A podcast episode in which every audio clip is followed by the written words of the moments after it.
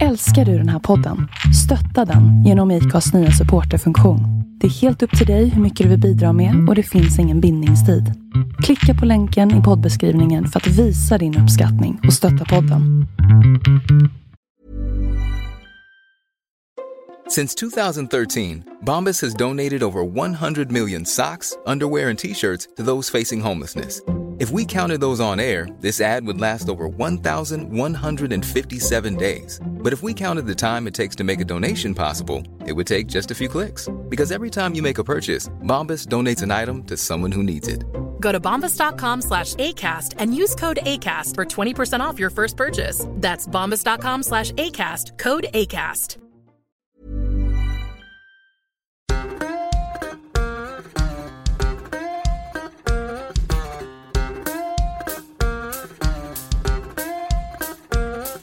Men du, nu gör vi så här. Eh, jag känner mig som Tony Tubbs nu. Har du koll på vem det är? Nej, ja, vad fan är det? Det är någon sån här Rocky-film Nej, kanske? Tony Tubbs var en av alla de som gick upp i ringen mot Mike Tyson och Ah, skulle ja, försöka ja. ta hans bälte. Just det. Och nu har jag i öronen i min intervjupodd den som jag kanske betraktar som svensk intervjutekniks Mike Tyson. Eller möjligtvis Muhammad Ali om vi skulle säga att Janne Josefsson är Mike Tyson. Ja. ja, det är kul att höra. Men vi säger så här. Välkommen till Vi måste prata, Jörgen Wittfeldt. Tack för det. En man med ett CV som inte går att skoja bort riktigt. Hur många år var du på Sveriges Radio? Eh, Eh, ja, jag brukar säga nästan 20 då, lite beroende på hur man, hur man räknar. Jag gjorde min praktik där på Dagens Eko, eller Ekot heter det, 1996. Och så slutade jag ju 17, så ja, i och för sig, om man räknar så så är det 21, 21 år då. då. Det är ganska imp- imponerande.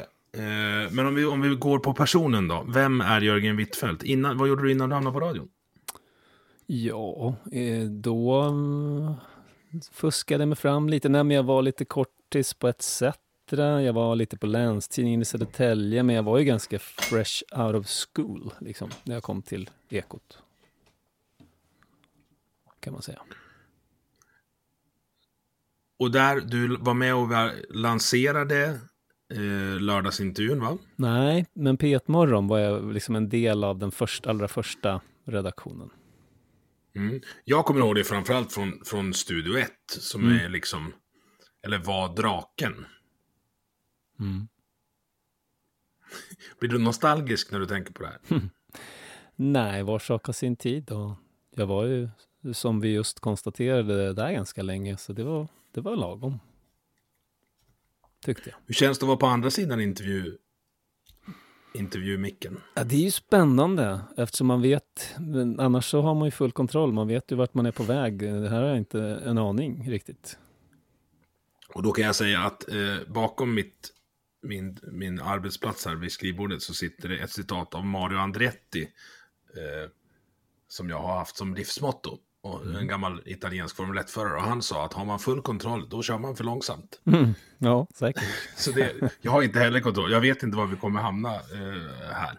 Nej. Men eh, för mig gick det från att vara en röst på Sveriges Radio till att bli någon som var intressant att följa när du slutade. För det vart lite uppmärksamhet.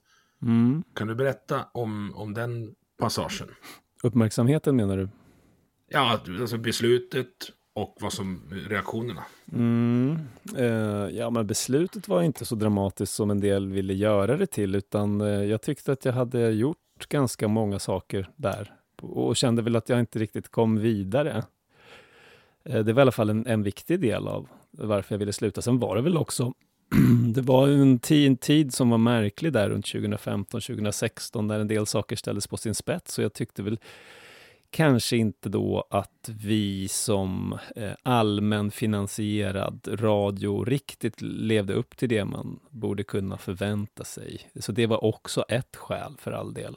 Eh, Hur, men, hur menar du då inte levde upp?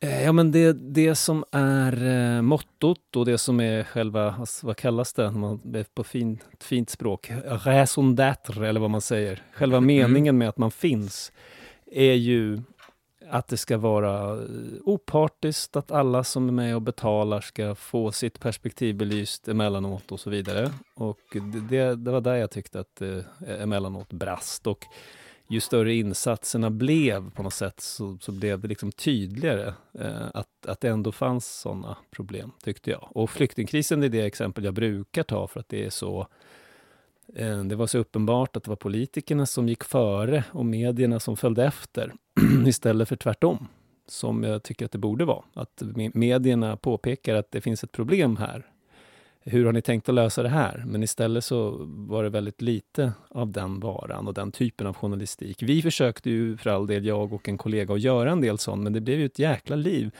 eh, för att vara radion. Alltså, det slog mig faktiskt häromdagen eh, när jag pratade med just den kollegan. Han har också slutat på SR nu, men det hölls alltså faktiskt åtminstone två stormöten där liksom stämningen blev så dålig kring de där publiceringarna att eh, cheferna kände att det behövdes behövde luftas, att säga, i stor grupp. Varför vi hade gjort det här och varför vi hade gjort det på det sättet vi gjorde och så. Och det var väl också kanske någonting som gjorde att jag kände att det här, jag kanske inte ska vara kvar här längre. Jag har sett och läst igenom ganska mycket uh, idag mm. uh, om, om dig och om, om den tiden. Men de här publicerarna som du pratar om nu, de hade ju inte på något sätt varit kontroversiella idag va? Nej, verkligen inte. Jag lyssnade faktiskt igenom en av dem, den som, jag, den som var den första. Eh, som var en del i en serie som vi kallade för Föregångslandet. Som tog upp, eh, ja, vände på vissa perspektiv om, om Sveriges självbild. Då. Och ett program handlade om öppenhet. Då.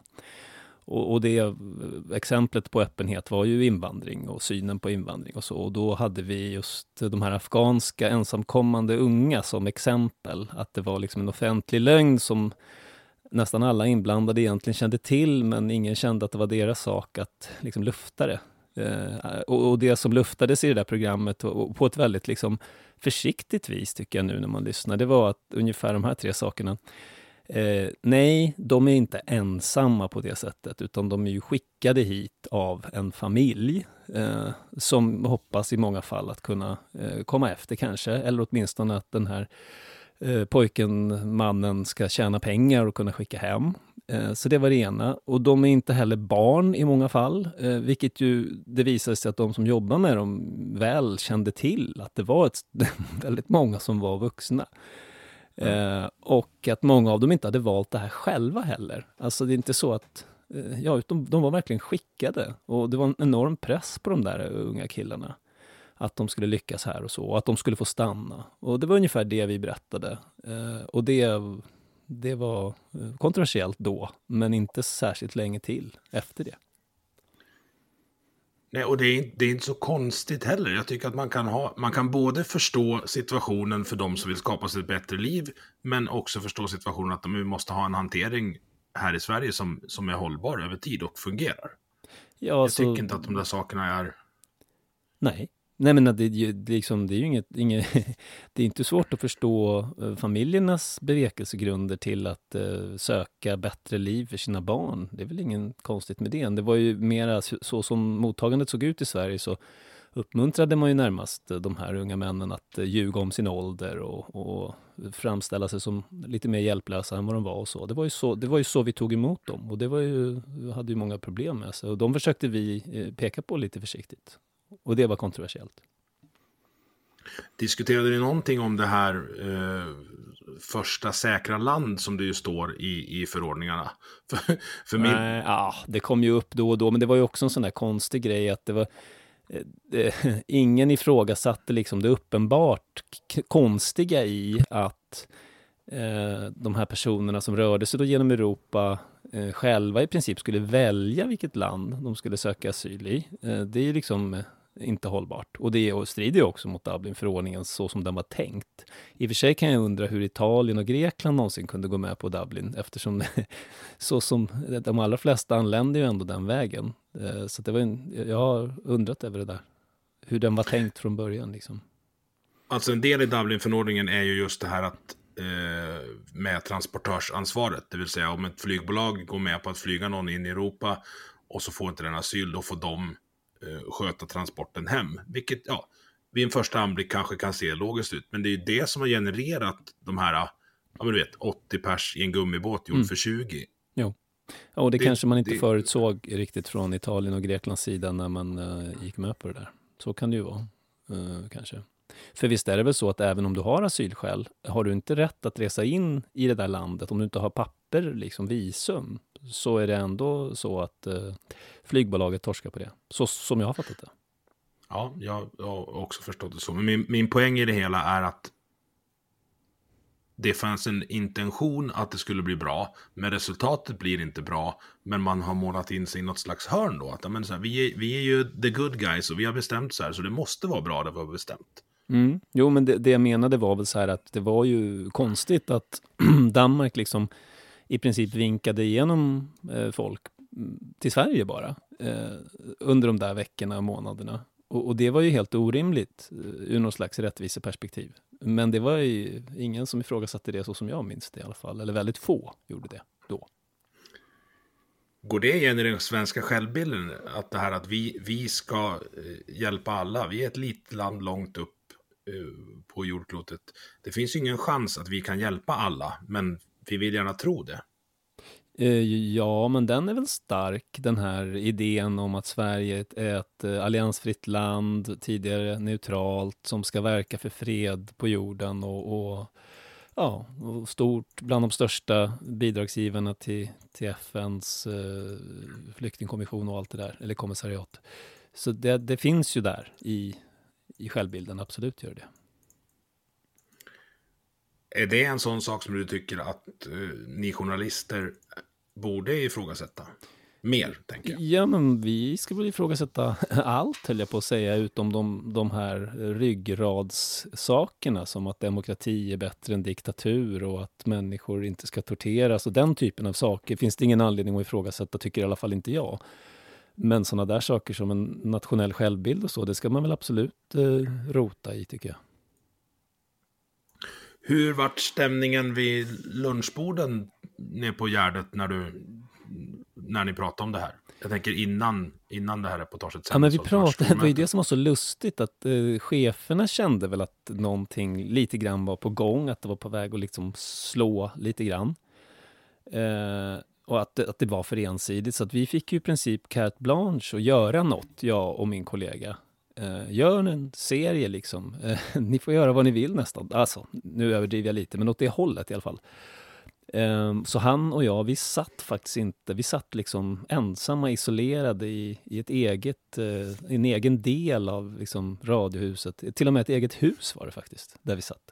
Eh, så det var... En stuga på gården? Nej men ja, faktiskt nästan precis det. En gammal stallbyggnad som hade varit en restaurang, men nu var fackets lokaler, men det var ingen där. Så vi satt där och, och jobbade och bjöd in eh, källor som vi intervjuade och, och sådär. Ja. Och sen kom vi med de här färdiga reportagen egentligen, eh, i princip. Så här i efterhand då. Eh, mm. Jag kan sakna en ansvarsutkrävande del mot de som som, jag tänker inte på staden utan jag tänker på politiken, de som tog, tog besluten? Um, ja, ja och nej, för å ena sidan så pratar vi ju inte om något annat än att det var liksom för mycket och, och, och inte så genomtänkt innan 2015.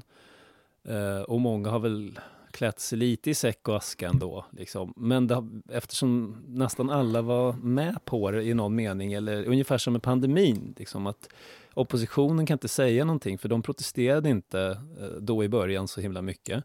Och det är lite samma här. Alla har liksom stakes i det här och då blir det som att man enas om att ja, men det var allas och ingens ansvar, men nu, nu vet vi lite bättre. Liksom.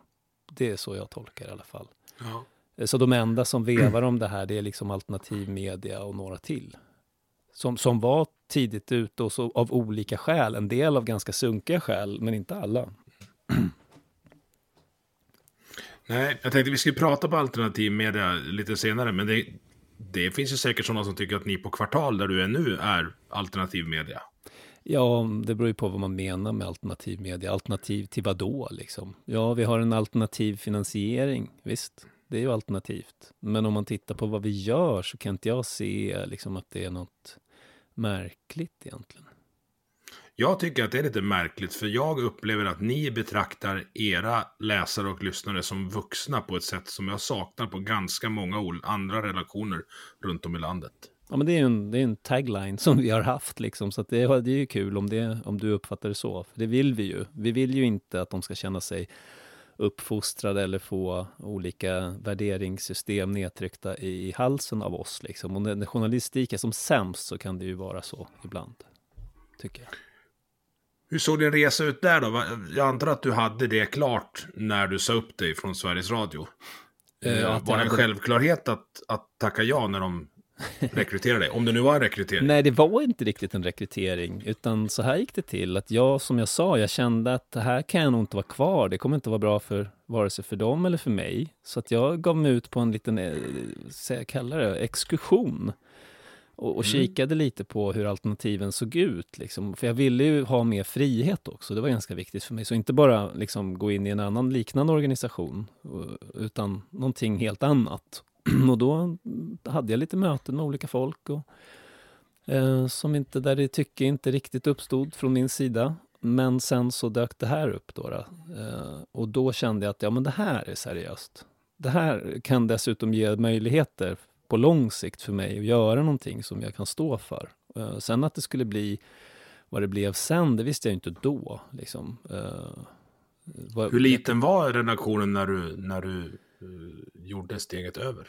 Ja, det var ju bara två personer, alltså inklusive mig. Ja, mm. det, är, det är en ganska stor kontrast till, till liksom betongklumpen ute på Gärdet va? Jo, visst, det var ju totalt tvärtom. Och det var ju lite det jag ville också. Liksom. Jag kommer ihåg när jag satt här hemma då. Jag vet inte, jo, vi hade ju ingen, då hade vi ingen lokal. Vi hade ingenstans att vara. Så att jag satt här hemma och jobbade. och så kom, eh, om det var Expressen som kom och ville intervjua mig om varför jag hade slutat på SR och sådär. Då satt jag här liksom i myskläder hemma. Eh, det kändes ju eh, lite läskigt. Man var ju väldigt ensam då, kunde man känna. Hur ärlig var du i de intervjuerna så pass tidigt på sortin? Det kommer jag faktiskt inte ihåg. Ja, men jag har ingen intresse av att, att tala illa om min tidigare arbetsgivare. Däremot så tänker jag att just Sveriges Radio är ju så, det är ju liksom en institution som angår hela svenska folket och därför kan man vara lite mer outspoken än vad man skulle varit om man hade varit anställd på Avanza Bank. Liksom. Eh, mm. Det är liksom en annan sak. Förstår du hur jag menar? Alla är med och betalar, det är liksom en, en allmän nyttighet. Och då tyckte jag att jag kunde kosta på mig att säga lite mer. Men, men jag kanske var lite försiktig i början också. Med, kanske lite, just med tanke på att eh, det inte är riktigt god ton heller att vara så tydlig. Kände du att du brände några skepp ändå kanske? Har du fått några reaktioner? Eh, ja, men det tror jag nog att jag har gjort. Men det gör det inte så mycket, för jag tror att det är osannolikt ändå att jag liksom skulle gå tillbaka. Det gör man inte. Liksom. Då får jag hitta på något annat ändå. Så att det är väl mer personer som jag tycker väldigt mycket om och respekterar, som jag, som jag vet kanske har blivit sårade någon gång och som inte riktigt förstår eh, vad jag menar. Det kan kännas lite tungt ibland. Mm. Men jag var ju mer ute efter strukturer och det som satt i väggarna sedan långt tillbaka än enskilda individer. Så. Du var med i ett av mina favoritprogram, Nordgren och Epstein, och fick inte en fråga. Förstår du vad jag är ute efter då? Mm, jag tror det, men uh, påminn mig. Nej, det var någon krönikör, jag kommer inte ihåg, men jag antar att det var en kvällstidning som, som uh, ja, kapade då uh, Epstein, Nordgren och Epstein för att de inte hade frågat dig om du hade gått till det blåa laget. Ah, ja, just det. Eller det var väl det de frågade. Var det inte precis det Nej, du frågade? Kom, du fick komma in dagen efter och, och svara på bara den frågan. Ah, ja, är jätte, okay. Det är så nordgrenskt så att man, man blir alldeles så glad. Ja, men det, de är ju väldigt eh, frimodiga på ett sätt som jag gillar. Alltså det är ingen prestige, mm. utan det är bara in igen och, och så får de... de lyssnar på sina lyssnare, kan man säga. Och det tror jag de gjorde där lite.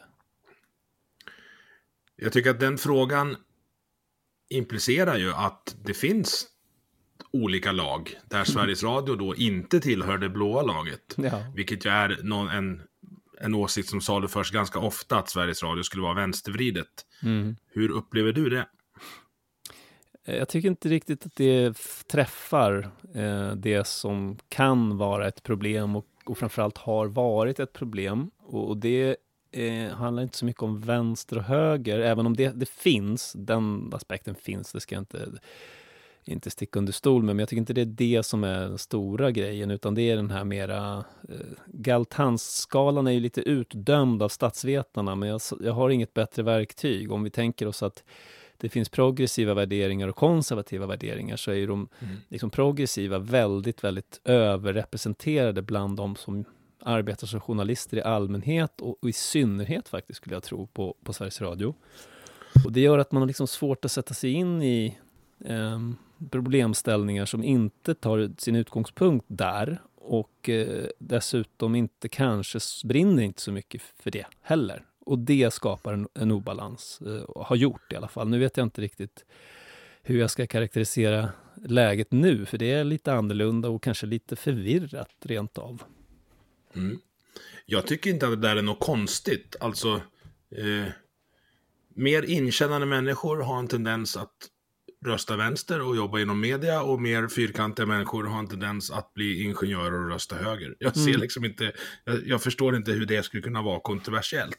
Nej, det men, kontroversiella men... är väl möjligen att man vill se på journalistiken som ett hantverk då. Det ska egentligen inte spela någon roll vad den som utför hantverket har för privata åsikter.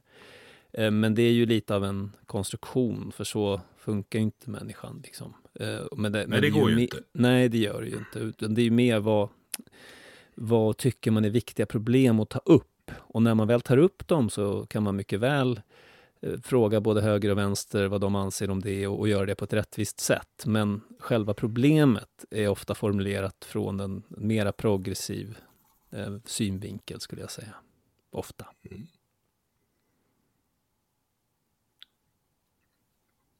Ni vart fler än två ganska fort där på kvartalet. Vem var det som var med från början, för, förutom dig? Det var ju Paulina Neuding som var chefredaktör. Så jag, jag, jag tycker inte att det här med blå laget var eh, helt farfetched faktiskt mot den bakgrunden. Även om hon hade inte uppdraget att bedriva opinionsbildning, men hon kom ju från den bakgrunden. Mm. Eh, från en liksom eh, högeropinionsbildar, eh, från ett högeropinionsbildarhåll. Eh, men, men det var som sagt inte uppdraget, utan hon skulle ju uh, försöka uh, vara så mångfaldig som det gick uh, i perspektiven och så. men sen så slutade ju hon efter cirka ett år ungefär, va? Tror jag det var. Eller var det två år förresten? Nu blir jag lite rådvill här. Det kanske var två, två år var det nog kanske. Ja, hon gick till Quillette då, va? Ja. ja, det där får jag kolla sen. Tiden ja. går så fort. Men, men då, då i samband med val, just det, så var det ju, 17, 18, precis. I samband med valet så blev vi ju tre, för då kom ju Staffan Dopping in och var väl mm. först tänkt att bara förstärka lite grann kring valet, men sen så blev han kvar, för vi expanderade liksom podddelen och då var vi tre och sen slutade Paulina och då var vi två igen. Och sen så började vi väl växas eh, mer och mer då med Viktor Bart Kron som inte var kvar så länge. Men, och sen var det ju Ola Wong och Henrik Höjer och, och så vidare. Alltså det är ju inga dåliga rekryteringar. Jag tänker kanske framförallt från Viktor. Det är ju ett prestige-nyförvärv om man ska prata sporttermer. Jo, det var det ju. Det var ju synd att han inte blev kvar längre, men jag kan också förstå att eh, kommentator är ju det finaste man kan bli i princip som politisk journalist. Och att bli det vid så mm. unga år på en stor tidning, jag, jag, kan förstå att han liksom, att han tog den chansen. Ja, fullt, fullt enig. Jag tycker att ni har en imponerande laguppställning redan nu. Eller, mm. även, även utan Viktor, om jag säger så. Jo, men nu tycker jag att eh. den börjar bli riktigt bra. För nu har vi ju också Ludde och Cecilia Garme som är inte anställd, men som, eh, som ska leverera saker till oss på regelbunden basis också. Så att eh, det är ju fler och fler journalister som är med i laget, så att säga. Om vi släpper kvartal lite för, för en stund. Vi, vi, ska återkomma till en sak som jag tycker ni är väldigt, väldigt bra. Men svenskt medieklimat i allmänhet, hur tycker du att, att ni mår? Kåren. Mm. Ja, det är en svår och stor fråga, men eh, den här paniken över om man skulle kunna ta betalt eh, har ju ändå kommit på skam, vilket gör att eh, journalistiken kanske mår lite bättre eh, än den gjorde tidigare. Eh, public service är, är, lite mer pressat, å ena sidan, eh, när det gäller eh, hur det funkar och allt det där vi har pratat om redan. Det, det, de har nog mer ögonen på sig, känner de och även en del av det politiska fältet har liksom vässat sin argumentation mot public service. Men samtidigt så, de har ju, de är ju väldigt välfinansierade och gör ju också väldigt, väldigt mycket bra saker. Eh, det vore ju i och för sig konstigt annars med tanke på att de har eh, goda resurser eh, ju. Men om vi, om vi lägger undan public service och tänker på andra medier så är den värsta paniken över liksom, ska vi kunna ta betalt, den är ju över nu i alla fall. För, ska jag säga, de stora tidningarna, det blir ju en slags monopolspel där mm. de små successivt slås ut. Men de som klarar sig, de, de håller ju på hamna på rätt köl tror jag, ekonomiskt i alla fall. Och det görs ju väldigt mycket bra journalistik ju. måste man ju säga. Det får man ju perspektiv på när man sitter i Stora journalistprisjuryn att, eh, och ser alla bidrag som kommer in. Det görs ju enormt mycket bra. Mm. Men det är ju väldigt mycket som kommer från de stora medierna. Är det. Tror du att papperstidningarna har någon, någon chans att överleva? Jag tänker, här uppe har vi, vi bor ju mitt i mitt medialand.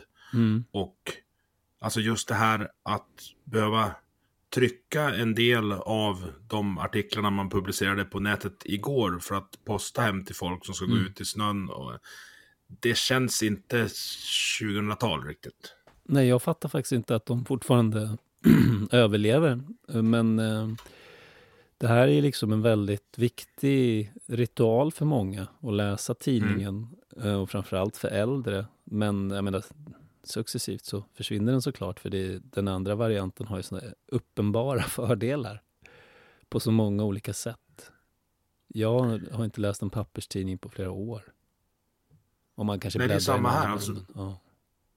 Man har, ja, men det är om det kommer något magasin. Mm. Uh, vi har ju en eminent klubbtidning i Leksands IF som kommer fyra gånger per år. Och den, den bläddrar man i. Jo. Men det är ju fyra gånger per år. Ja, väl filter kan vara härliga att bläddra i till exempel. Ja, offside också. Alltså, ja. Men då, då, det känns som att det blir mer en lyxvara kanske inte, men, men mer en, en premiumprodukt mm. än det var. För den vardagliga nyhetsförmedlingen sker digitalt och det kommer inte bli mindre. Nej, men det är som du säger, man ser det kommer en sån här eh, notis på telefonen klockan 8-9 på kvällen. Då kommer ju nyheterna som då bärs ut på papper dagen efter. Mm. Det säger ju liksom allt. på något sätt. Ändå finansieras ju mycket av, av den processen som vi pratade om. Trycka, bära ut, uh, layouta. Av staten, alltså det vill säga oss. Jo, eh, på vissa eh. tidningar. Ja, men även precis, de som men... inte har den finansieringen eh, säger ju faktiskt att eh, papperstidningen fortfarande, de tjänar fortfarande rätt mycket pengar på den. Så därför läggs den inte ner. Nej, och det tycker jag är, är jättekonstigt. Alltså som annonsköpare i en papperstidning så skjuter du med hagelbössa och ögonbindel. Du, det är väldigt mm. svårt att få en mätbar ROI på, på din liksom helsida i, i Falukuriren. Verkligen jämfört med skräddarsydda. Det är ju, du vet ju, det är så läskigt när man har varit inne och googlat på pilatesbollar liksom. Och mm. sen så flyger det in i flödet var man än är någonstans på nätet. Det är ju, det är ju effektivare annonsering. Det går inte att komma ifrån liksom. Det är jättebra. Jag köpte en eh, ganska snygg bh till min fru häromdagen. Mm. Eller häromdagen, härom året när jag satt och jobbade på reklambyrå. Jag kunde inte ha Facebook uppe på jobbdatorn. Folk trodde att jag tittade på porr. Mm. Det var ju bara underkläder på hela Facebook i en vecka efter att det där mm. köpet gick igenom. Ja, det är så det blir. Eh, så det finns ju både fördelar och nackdelar på det. Men hur ser medieklimatet ut? För eller så här, ni har valt att inte ta emot något statligt stöd. Mm. Har du varit involverad i det beslutet? Eh, nej, det kan jag faktiskt inte säga. Utan det, kommer ju, det är ju mer en sån här, eh, återigen, varför finns vi till grej för styrelsen, skulle jag säga. Och, och initiativtagarna till projektet från början, att det blir konstigt att både ta emot statliga pengar och samtidigt säga att man är oberoende Eh, så det, och, nej, vi tar inte emot pengar från företag och så heller på det sättet. Nej, jag tycker det, jag tycker det är fantastiskt. Ni, ni, ni visar att det går. Så det finns ju någon slags ideologisk tanke bakom, bakom eller från grundarna som du säger. Mm, jo, men det gör det nog. Uh, eller det, det, tror jag det gör. Uh, samtidigt så det går inte heller att hymla med att vore det inte för att stiftelsen samlar in eh, pengar från större givare och framför allt så består ju de givarna faktiskt av de som sitter i styrelsen själva. Det är ju rätt skönt nu att det, att det är så transparent. Men likväl, mm. det är ju mer än hälften av vår årliga budget som fortfarande kommer därifrån och den andra halvan lite knappt kommer från mikrofinansiering från, från vanlig publik så att säga. Men visst, det går ju så länge de tycker, de som står för halva fiolerna, att, vi, att det här är någonting som behövs. Ja, och ni har ju... Jag tror inte att ni skulle få några problem att gå över till en betalmodell, för ni har gjort det i rätt ordning. Ni har levererat kvalitet och sen ska man eventuellt kunna sätta upp en metallvägg. Mm. När det jo, gäller hur, hur lokaltidningsjournalistiken bedrevs här när betalväggarna började komma så var det först en nedtrappning av den journalistiska närvaron på landsbygden och sen ska man börja ta betalt för en produkt som folk tyckte hade blivit sämre flera år. Det blir svårt. Jo. Och sen har du dessutom konkurrensen då från public service och olika nyhets... Alltså de publicerar ju en hel del skriftliga nyheter också. Det där har ju varit diskussion om vad exakt hur mycket och, och var gränsen ska gå. Men likväl så är ju det, du kan få en ganska bra uppdatering på, av SVT Nyheter till exempel. Ja. Och, som du inte behöver betala för, eller rättare sagt som du redan har betalat för. Ja, och P4 har film på sina sajter i, ibland. Mm. Så det är ju en, det är ju ett gytter där. Det är ju det. Och då blir det ju så att ni som väljer att inte finansieras genom den statliga modellen, ni inte bara konkurrerar med dem som, som är det, utan det är ni som betalar det också. Mm. Ja, eller läsarna och lyssnarna betalar. Fast ni genererar ju skatteintäkter också, tänker jag på. Ja, du menar så? På, på redaktionen. Ja, det gör vi ju såklart. Jo, visst. Tror du att det här på något sätt, och det här är väl en, en fråga som du säkert har fått svara på många gånger, men går det att vara konsekvensneutral i sin granskning av staten när man är beroende av pengar från staten? Ja, du. Um, till en viss gräns skulle jag säga. Så gör det det. Men eh, alltså i ett samhälle, om vi tänker oss lite längre fram, liksom kanske jag hoppas vi inte vi hamnar där, men ett samhälle som är mycket mer polariserat än vad vårat är. Där kommer man att upptäcka någonstans var gränsen går, tror jag. Eh, om liksom public service skulle bli så vassa och jobbiga mot, mot det politiska system som garanterar deras fortlevnad, då skulle nog konflikterna öka. Det tror jag. För nu är det ju nästan lite obehagligt ibland när en politiker säger till någon public service-journalist ja, men du ska ju granska mig och det tycker jag är så bra. Då känner man, ja men hur hårt har du blivit granskad då egentligen? Har du verkligen, ja. verkligen blivit det? Ehm, men i ett samhälle som fortfarande trots allt inte är så konfliktfyllt så funkar det här tror jag, att man kan upprätthålla det, i alla fall en känsla av någon slags oberoende mot staten. Men det är intressant den här diskussionen med jag vet inte om du lyssnar på medierna, bland annat i P1, som tog upp det här med vad är funktionen i krig eller kris mm. för radio och tv. Och där blir Man får ju, olika svar. Ja, men där blir det ju väldigt intressant. Liksom, för någonstans så är det också orimligt att en statlig radiokanal som kanske har några, eh, säg några ryssvänner, säger vi, som drar fram negativa nyheter för den svenska beredskapen och tutar ut i statlig radio det kommer inte funka. Det, det kommer inte accepteras.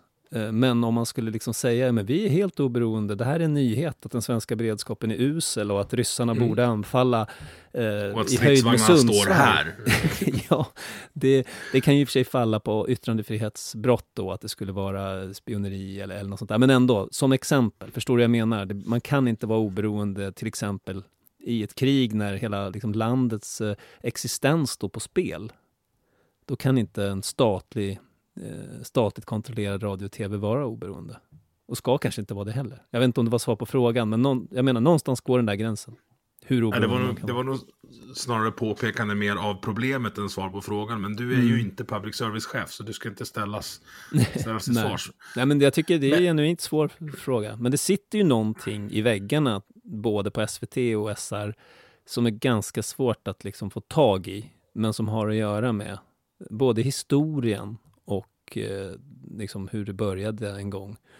Och det beroendet som man har, det finansiella beroendet av staten. Det finns där, men det är ganska svårt att få tag på. Du behöver vara där ett tag för att liksom börja se, se det där, känna det. Mm.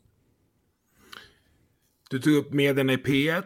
Eh, jag tycker det är kanske det viktigaste radioprogrammet vi har på public service just nu.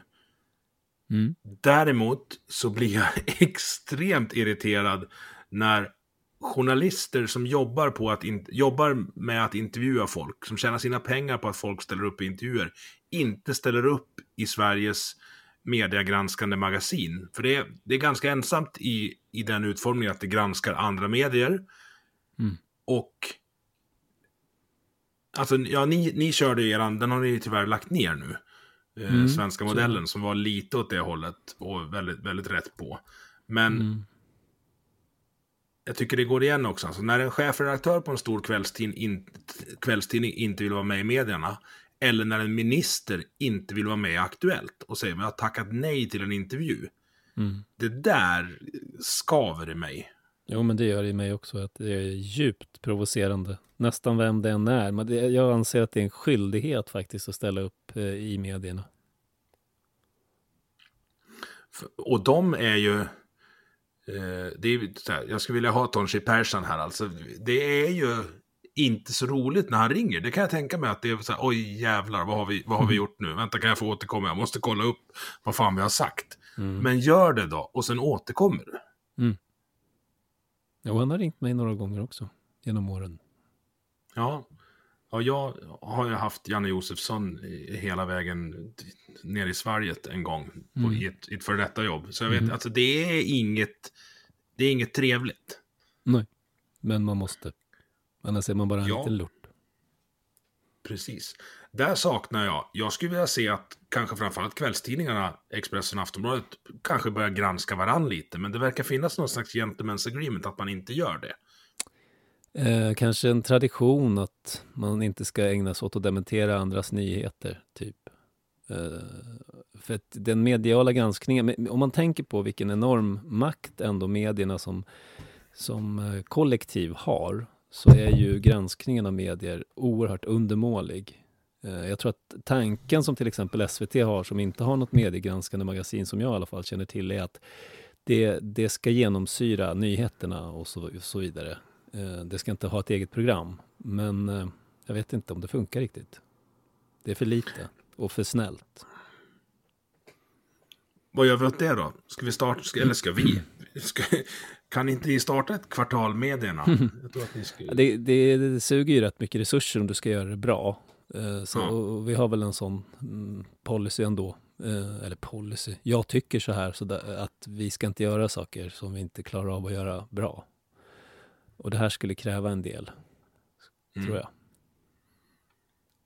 Det, Men vi har ju en del, vi har ju granskat en del mediegrejer och har väl en mer på gång också, eh, vågar jag säga. Så att, ja. Jag tror att det är bra, precis som, som alltså, tjänstemannaansvar skulle jag gärna ha eh, i staten också, så att man, man tänker sig att vänta nu, är det här verkligen rätt sak att göra? Mm. Och rätt sak kan också vara att inte göra någonting ibland. Det tycker jag är... är det får liksom stå tillbaks för ja, men vi ska tillsätta en utredning eller vi ska skjuta till mer resurser. Mm. Är liksom standardsvaren. Inte bara så här, nej, men det är nog bäst att vi låter det här vara. Det funkar hyfsat. Mm.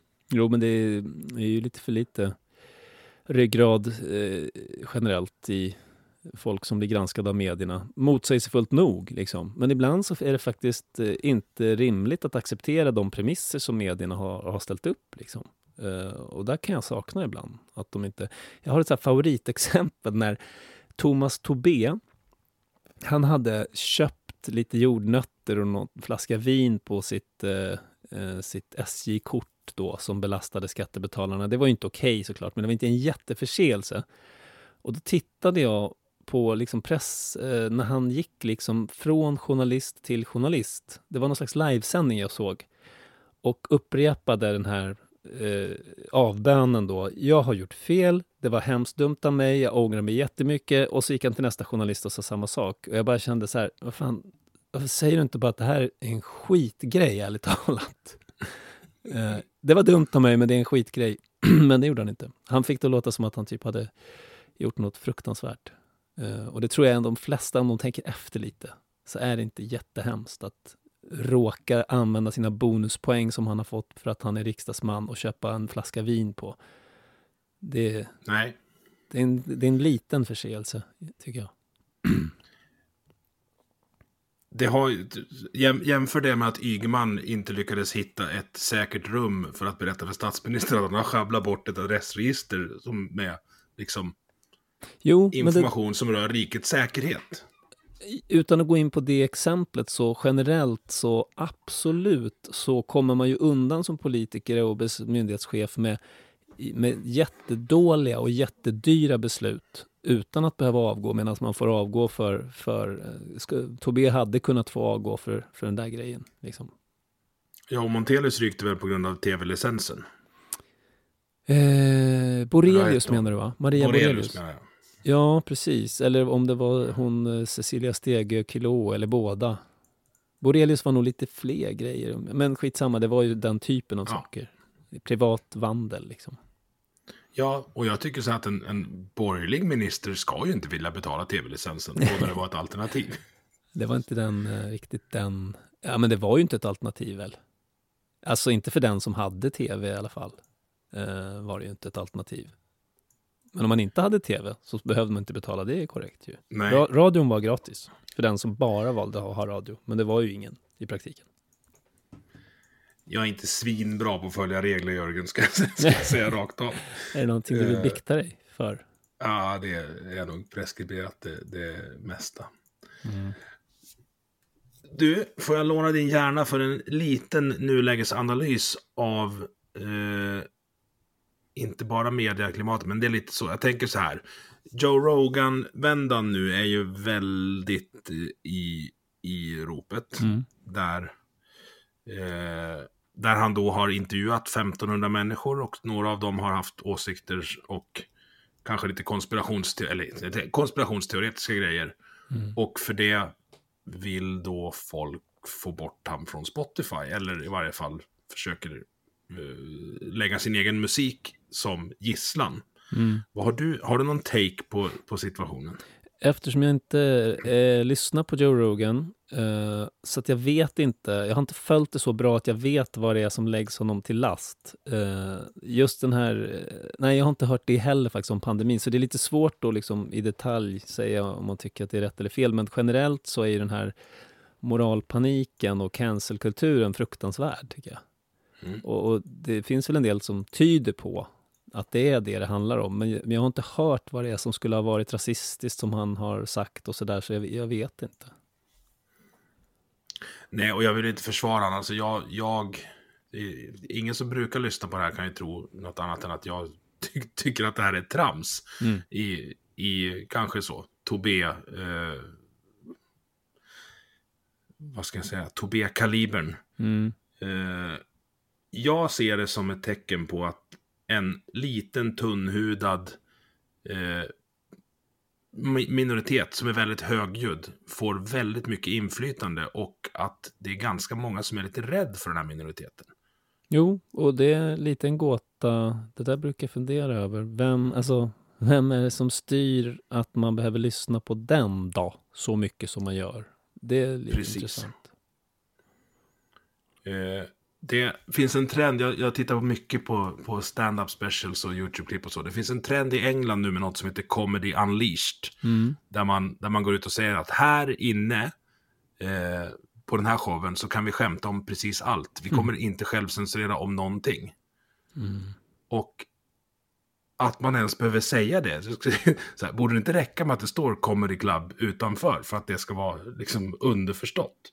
Mm, det vet du att det inte gör. Uh, Och liksom, även om du kan skämta om allt så handlar det ganska mycket om hur man skämtar om, om allt eh, ändå. Ja, och jag landar i det där att man, det är en ganska trött diskussion tycker jag. Kan man skämta om allt? Bara, Ja, man kan skämta om allt, för alternativet är inte gångbart. Liksom. Vem ska bestämma vad man inte får skämta om då? Ja, Sen det behöver gör väl allt publiken då i en perfekt värld. Eh, den kommer inte, den slutar komma om det är någon som skämtar om fel saker. Precis. Alltså fel saker i meningen att det är inte kul. Liksom. Nej, men det där är ju uppe till individuellt tycke och smak, tänker jag. Mm. Jo, Det är samma sak som- en samhällsklimat som liksom sakta vulgariseras så kan ju skämt som är liksom människofientliga så småningom bli något som folk skrattar ihjäl sig åt. Och ett sånt samhälle vill inte jag leva i. Jag kan tänka mig att Hur, det var menar, några... hur menar du då? Alltså, Ja, jag kan tänka på- mig att det var en del stand-up comedy nazister som drog fulla hus 1934 eh, och med grova judeskämt. Det kan jag mycket väl Ja. tänka mig. Och, menar, det kan ju förråas, liksom, även så att sånt som folk skrattar åt faktiskt eh, inte är... Ja, att det förråar... Jag menar, du kan ju successivt kan ju en samtalskultur och ett samhälle bli råare och råare så att man till slut eh, garvar åt grejer som... Ja, som eh, leder dåligt, helt enkelt. Mm. Jag vet inte om, jag, om du förstår vad jag menar, men... eh, Jag förstår vad du menar. Jag Mm. håller inte med dig, men jag förstår, jag förstår, jag förstår vilken...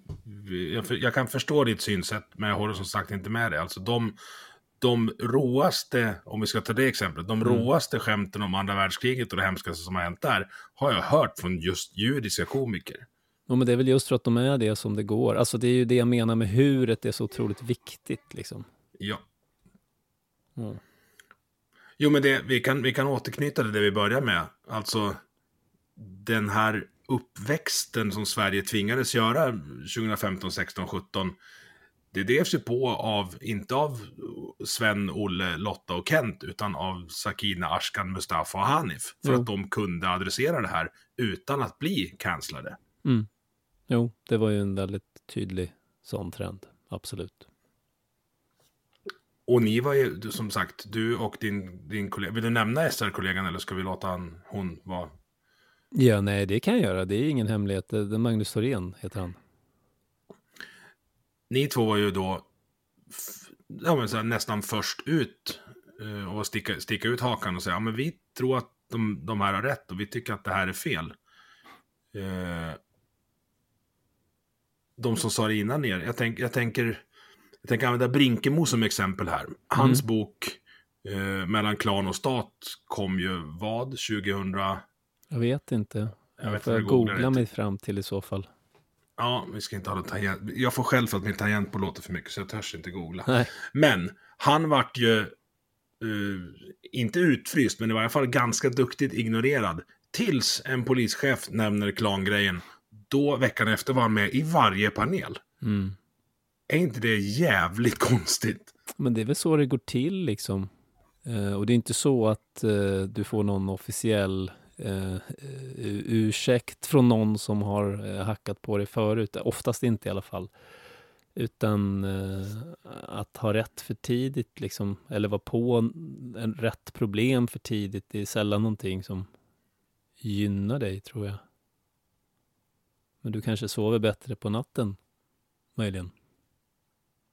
Ja, och sen måste du också vara tillräckligt ryggradsfull för att, för att stå still. Och det gjorde ju Brinkemo. Han rörde sig inte en millimeter. Jag, alltså, så jag vet att jag har rätt. Och till slut kom han in i, ska vi kalla det in i värmen eller vad ska vi säga? Ja, det, det är han väl. Alltså, han jobbade ju för eh, den här myndigheten där också innan dess. Så att han var ju på ett sätt var han ju inne i värmen för att han fick ju åka runt och föreläsa om det här eh, kors och tvärs över hela landet. Så det var väl en, en, en stund innan, det var väl efter det där Mats Lövings klanuttalande som han mera anlitades av medierna på det sättet som han inte hade gjort tidigare som en expert. Eh, Men, men myndigheter och sådär, de hade nog anlitat honom i flera år innan dess, som jag minns det. Så då var det medieklimatet som gjorde att han inte fick utrymme, men han, han fanns liksom i verkligheten och verkade för, för någonting. Ja, det, det är min minnesbild. Men alldeles i början blev han ju verkligen illa åtgången och det gjordes något Uppdrag granskning där han liksom framställdes som någon skurk och sådär. Det kommer jag ihåg. Och det är det jag menar, att han, att han fortsatte att stå upp då, det är ju, det tyder ju på karaktär. Ja, jo, nej, men det måste man säga att han är. Att han stod fast. Du, apropå komma in i värmen. Eh, 2017 sa du till Chang Frick att du kanske skulle vara med i en podd och sen sa du att det var bara ett skämt. 2020 satt han i veckopanelen och pratade om, om eh, något som hände i grannbyn här, det vill säga Fredrik Federley-affären. Just det. Changs resa in i värmen de senaste fem åren tycker jag är ganska fascinerande eh, att backtracka och titta tillbaka på. Mm. Det har ju skrivits en del om det där. Jag vet inte om du har läst Kajsa Normans bok. Nej, inte. Eh, som han, den utgår egentligen från det här We Are Stockholm-historien. Du vet, de här uppgifterna om sextrakasserier som kanske mörkades av medierna, eller gjorde de det? Och sådär. Eh, det blev ju ett porträtt av bland annat Chang Frick som hon skrev där. Eh, Mm. Och eh, jo, nej, men hans resa, är- men han är ju inte riktigt i värmen och han vill ju inte vara det heller. Nej, nej, nej. Eh, Han, han vill vara eh, svensk medias bad boy, fast det är han ju inte. Ja, det beror på vem du frågar. Alltså som det är ofta så här, det, det är ju en intressant inslag i det här med cancelkulturen. Om du nämner ett namn och så säger någon så här, men han är inte okej. Liksom. Nej, är han inte? Och vad har han gjort då? Ja, men, och så blir det genast jätteluddigt. Det, Det det, vet ju alla vad det där är för typ. Och Det bara, är en men, känsla man har ofta. Ibland är den korrekt, det bygger på någonting, men ibland är det inte det. Eh, Och just hans fall tycker jag är svårt. Alltså. När jag intervjuade honom så var det liksom det som jag studsade mest på var att han inte hade betalat skatt på evigheter. det tyckte jag var konstigt. det är ett ideologiskt ställningstagande säkert. Ja, fast det är ju brottsligt. om, eh, om det är så att man har, att man har eh, levt av oskattade pengar. Det tycker jag var mycket mer liksom konkret än de här luddigheterna som gjorde att Publicistklubben till exempel nekade honom inträde. Mm. Han fick ju något slags genomslag där med sin Pavel Gamov-dagbok från Moskva som ja, en av de roligaste texterna på, på, på, på, i svensk medierapportering de senaste tio åren skulle jag säga. För det, Han kan ju skriva killen, faktiskt. det, är, Alltså- inget, det är inget dumhuvud. Nej, det. nej, det är det verkligen inte. Eh, Men, men han är också en lite hyfsad stilist, alltså det visade han ju där. Eh, Och sen hade han väl det där avslöjandet om den här irakiske försvarsministern också som levde på bidrag i Sverige. Det var ju också eh, ganska eh, något som många tog upp och så Mm. efteråt. Fast Det det, var påtagligt. påtagligt med Gamov-grejen att det var ju folk som aldrig skulle kunna tänkt sig att dela från Nyheter Idag innan som helt plötsligt tyckte den texten var jätteokej Jo. att dela när, när det framställde en, en, en eh, riksdagsman från Sverigedemokraterna i dålig dager. Mhm. Jo. Eh, Eh, vill, man men, lyssna mer på vill man lyssna mer på Chang så kan man lyssna på avsnitt 35 av Vi måste prata. Aha. Eh, jag håller fast inte vid han, men jag tycker att han är en del av någonting som jag skulle vilja kalla en svensk version av det som i USA kallas för the intellectual dark web. Har du koll på det? Mm, det har jag koll på. Alltså, alltså Weinstein, Jordan B. Peterson, Mm. Rogan till viss del och så. Mm. Alltså du har någon slags, jag ska inte kalla det motståndsrörelse, utan jag kallar det en reaktion då på det här medieklimatet du beskrev inne på Sveriges Radio när folk helt enkelt säger fuck it och så säger de vad de tycker och sen får folk eh, försöka cancella dem. Jag tänker kanske, eh, men säg, sista måltiden kanske är galjonsskeppet just nu i den delen, men du har Navid Modiri, du har eh, eh, Jannik på Bulletin, Mm. eh, du har mi- mina kompisar i, i Bondepraktikan. Det finns något slags embryo till en utplattad och mer diversifierad mediamarknad här. Eh, ja, men där, också, där, där liksom ni ingår också. Mm. Eh, hur ser du, eller så här, håller du med om det och i så fall, hur ser du utvecklingen fem år framåt? Mm, om jag håller med om, om att det finns en sån, eh, absolut. Jo, men det, det kan man ju se. Och att eh, vissa av dem har ganska mycket publik och sådär. Samtidigt så är det, ehm, det är en svår väg att gå att försöka få allmänhetens förtroende när du inte är etablerad. Och, och särskilt mm. om du är lite edgy. Eh, så eh, så att det, det tidnings och mediepubliken är ju väldigt konservativ ändå i Sverige. Ja, orörlig tänker jag. Ja. Alltså, ja. ja, och att de, det tar lång tid innan de betraktar någonting som en betrodd eh, källa. Jag har inte järnkoll på Chang Frick, men, men jag minns att vi hade några diskussioner om honom där jag sa att han, man kan absolut ha synpunkter på hans nyhetsvärdering och sådär, men han hittar inte på. Liksom. Säger, skriver de att eh, irakiska försvarsministern eh, bor i Sverige och lever på bidrag, då är det förmodligen sant. Det är inte så att de mm. liksom diktar ihop någonting. Och det verkade inte den personen jag pratade med då förstå eller vara övertygad om. Förstår du hur jag menar? Ja. Han följer ju reglerna liksom, men han har en, en annan nyhetsvärdering. Men om vi, om vi släpper Chang då och, mm. och Nyheter idag. Eh, ju fler icke-pressstödsfinansierade mediehus som poppar upp, desto lägre blir nog tröskeln för att man man som konsument bara, men jag kanske måste kolla på två sajter och se om bägge har skrivit om det, då kanske det stämmer. Jag hoppas att det är så. Det borde vara så i alla fall. Det borde bli ja, så. Men tro, tror du inte att många har sin lokaltidning oavsett om den är på papper eller nätet? Och så bara, det, det, som, det som inte står här har förmodligen inte hänt. Jag hoppas allt färre faktiskt. Ja, jag hoppas du har rätt. Och jag hoppas att det dyker upp fler. Och jag hoppas att du har haft en trevlig timme här i, i Vi måste prata. Jag är jätteglad att du ställde upp. Ja, men det var verkligen trevlig timme. Det var kul. Kul ämnen, kul frågor. Jag är lite mindre rädd för dig nu. ja. Det, Nej, kanske, tack så mycket, är, det kanske är du som är Evander Holyfield och just bet av mig örat. Eller vänta, det var ja. Tyson som bet av Evander örat va? Ja, precis. Ja, ja. Då, då föll den parallellen, om du har örat kvar. Ja, det har jag. Det, det, Bra. det är andra delar som är borta. Eh, tack så mycket Jörgen. Tack själv, tack. Du har lyssnat på Vi måste prata som produceras av mig, Emil Nilsson. Tycker du om det du hörde? Dela avsnittet med dina vänner och på sociala medier. Vill du stötta podden kan du göra det via Patreon där du hittar den på patreon.com snedstreck vi måste prata i ett ord. Eller så swishar du en slant till nummer 123 671 46 79. Vi hörs!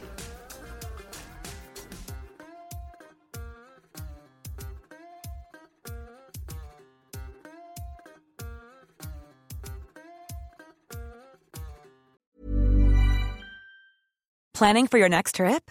Elevate your travel style with Quince. Quince has all the jet setting essentials you'll want for your next getaway, like European linen, premium luggage options, buttery soft Italian leather bags, and so much more. And is all priced at 50 to 80% less than similar brands. Plus, Quince only works with factories that use safe and ethical manufacturing practices. Pack your bags with high-quality essentials you'll be wearing for vacations to come with Quince. Go to quince.com slash pack for free shipping and 365-day returns.